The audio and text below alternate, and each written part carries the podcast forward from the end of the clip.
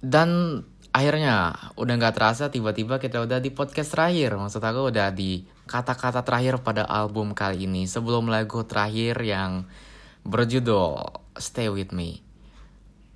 Aku namain episode kali ini Please. So please, karena ini merupakan sebuah harapan, sebuah permintaan, sebuah permohonan dari aku untuk tetap.